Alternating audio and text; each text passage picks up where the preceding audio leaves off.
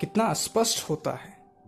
आगे बढ़ते चले जाने का मतलब अगर दसों दिशाएँ हमारे सामने होती, हमारे चारों ओर नहीं।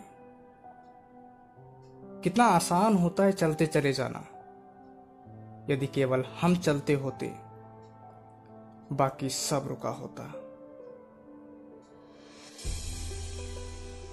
मैंने अक्सर इस उल जुलूल दुनिया को दस सिरों से सोचने और बीस हाथों से पाने की कोशिश में अपने लिए बेहद मुश्किल बना लिया है।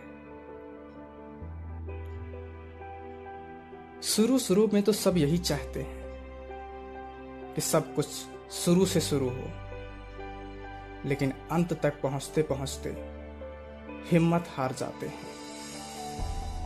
हमें कोई दिलचस्पी नहीं रहती कि वह सब कैसे समाप्त होता है?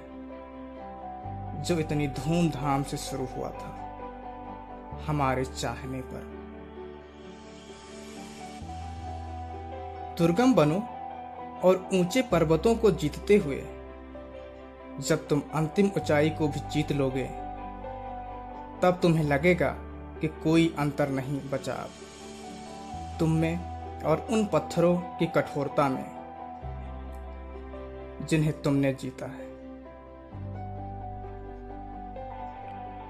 जब तुम अपने मस्तक पर बर्फ़ का पहला तूफ़ान झेलोगे और कांपोगे नहीं, तब तुम पाओगे कि कोई फ़र्क नहीं। सब कुछ जीत लेने में और अंत तक हिम्मत ना हारने में कितना स्पष्ट होता है, आगे बढ़ते चले जाने का मतलब।